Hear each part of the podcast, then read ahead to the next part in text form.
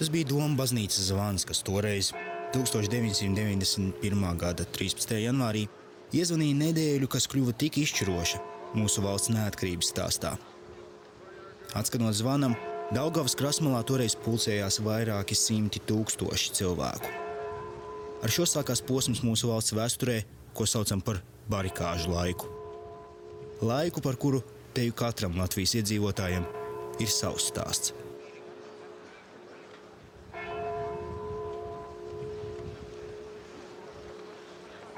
Mans vārds ir Ojārs Stūre. Es esmu piedalījies 1991. gada janvāra barikādēs Rīgā.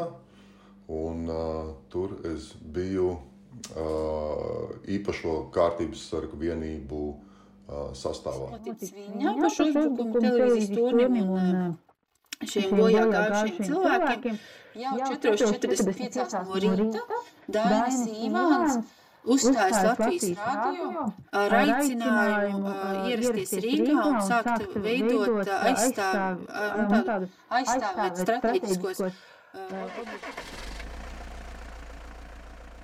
Konkrēti mūsu vienība bija tāda, tā, tā, tāda mobilā vienība, kas darbojas pēc izsaukuma. Tiklīdz mēs saņēmām kaut kādas ziņas vai kaut kādu informāciju, tad mums ļoti bieži bija jābrauc un jāpārbauda šī informācija, vai tas atbilst patiesībai vai nē. Jo tur bija tāda, tāda nianses, ka mūsu saziņā bija ļoti bieži iejaucās visādi diversanti. Un, Un, un, un mums bija jau zināms, ka mūsu saziņu vēro un klausās valsts drošības komitejas darbinieki. Viņi bieži vien mūs, izmantojot mūsu pašu sakaru kanālus, nodeva nepatiesu informāciju.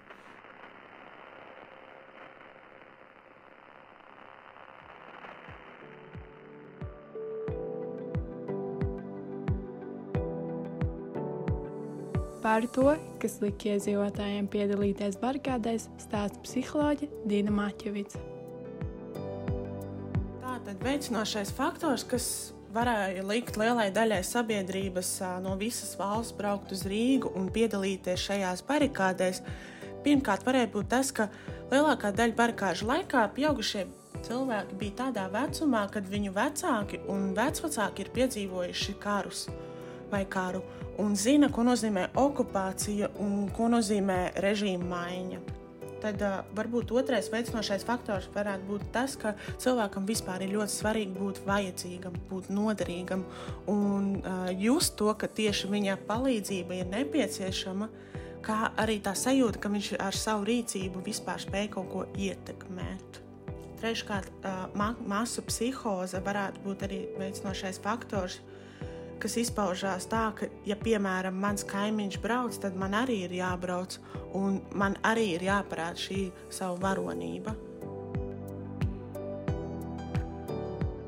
Jā, bija visādi tādi īpaši, īpaši notikumi. Viens, viens no tiem bija, kad uh, mums bija uzdevums bija dot pavēli braukt uz Vecmilgrāvu.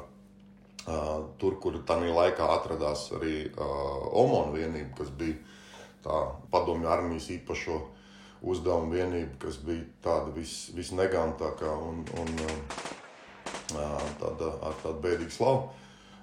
Un kā mums bija jābrauc uz, uz Vecmilgrāvu meklēt vienu pazudušu somu žurnālistu. Un tad mēs uz turieni braucām. Braucām ne visa vienība, braucām mēs trijotā, šofers, mūsu komandieris un es braucām, mums bija uzdevums izbraukt vecmilgrāvi un, un, un, un mēģināt atrast šo somu žurnālistu. Vecmilgrāvi mēs izbraukājām, žurnālistu neatradām. Bet nu, pats tas brauciens, apzinoties to, ka turpat, turpat kaut kur ir tā somona vienība, un kurā brīdī viņi var, viņi var uzbrukt, nu, tas bija tāds, viens no tādiem, tādiem īpašiem pārdzīvojumiem. Jo bija zināms, ka viņi, nu, viņi ar tādu īpašu uh, žēlsirdību neizcēlās. Ja? Viņi bija samērā agresīvi. Ja? Un tad, tad nu, kā tas tur viss varēja beigties, bet nu, viss beidzās labi. Lai pie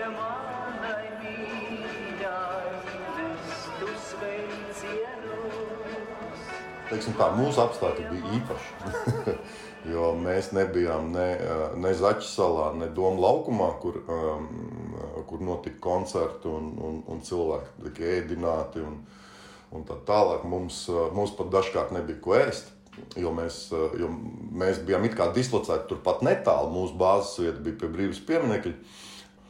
Bet um, mums nebija nekā no tā visa. Mums, ne pie mums brauc mākslinieki, ne arī mums kāds īpaši tur nesēst. Tad mēs uh, nu, kur, kā nu kuru reizi, kā nu kuru dienu, kur mēs varējām aiziet un, un, un, un paēst un kur kaut ko dabūt. Uh, tā arī mēs no tā arī dzīvojam. Uh, dažkārt, dažkārt pat nebija ko ēst.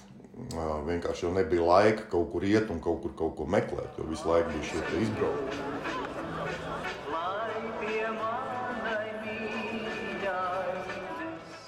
Ir ārkārtīgi grūti atpazīt. Ceļš barikāžu laikā, ceļš, kad, piemēram, Zaķu salā ir izlikti tie saucamie tādi pret helikopteru nolaišanās seži un izskatās nu, tiešām kaut kāds karalauks.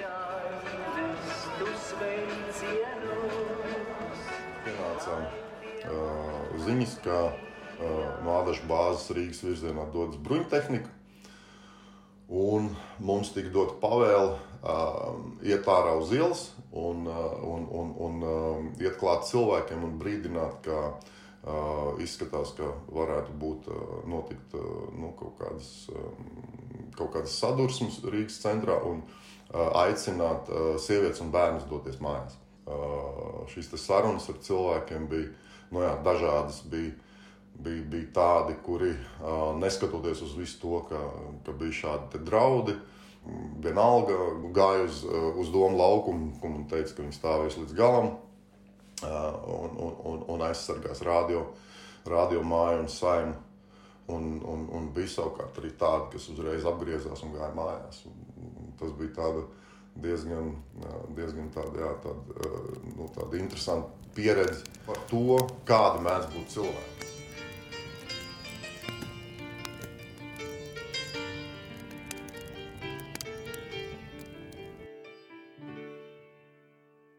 No emocijas bija ārkārtīgi, ārkārtīgi spilgtas tajā laikā. Par to visu es gan biju jauns, tad, tad tas bija pirms 30 gadiem, un tajā laikā es biju ārkārtīgi jauns un visu varbūt nesapratu, visu to kontekstu, kā, kas īsti notiek.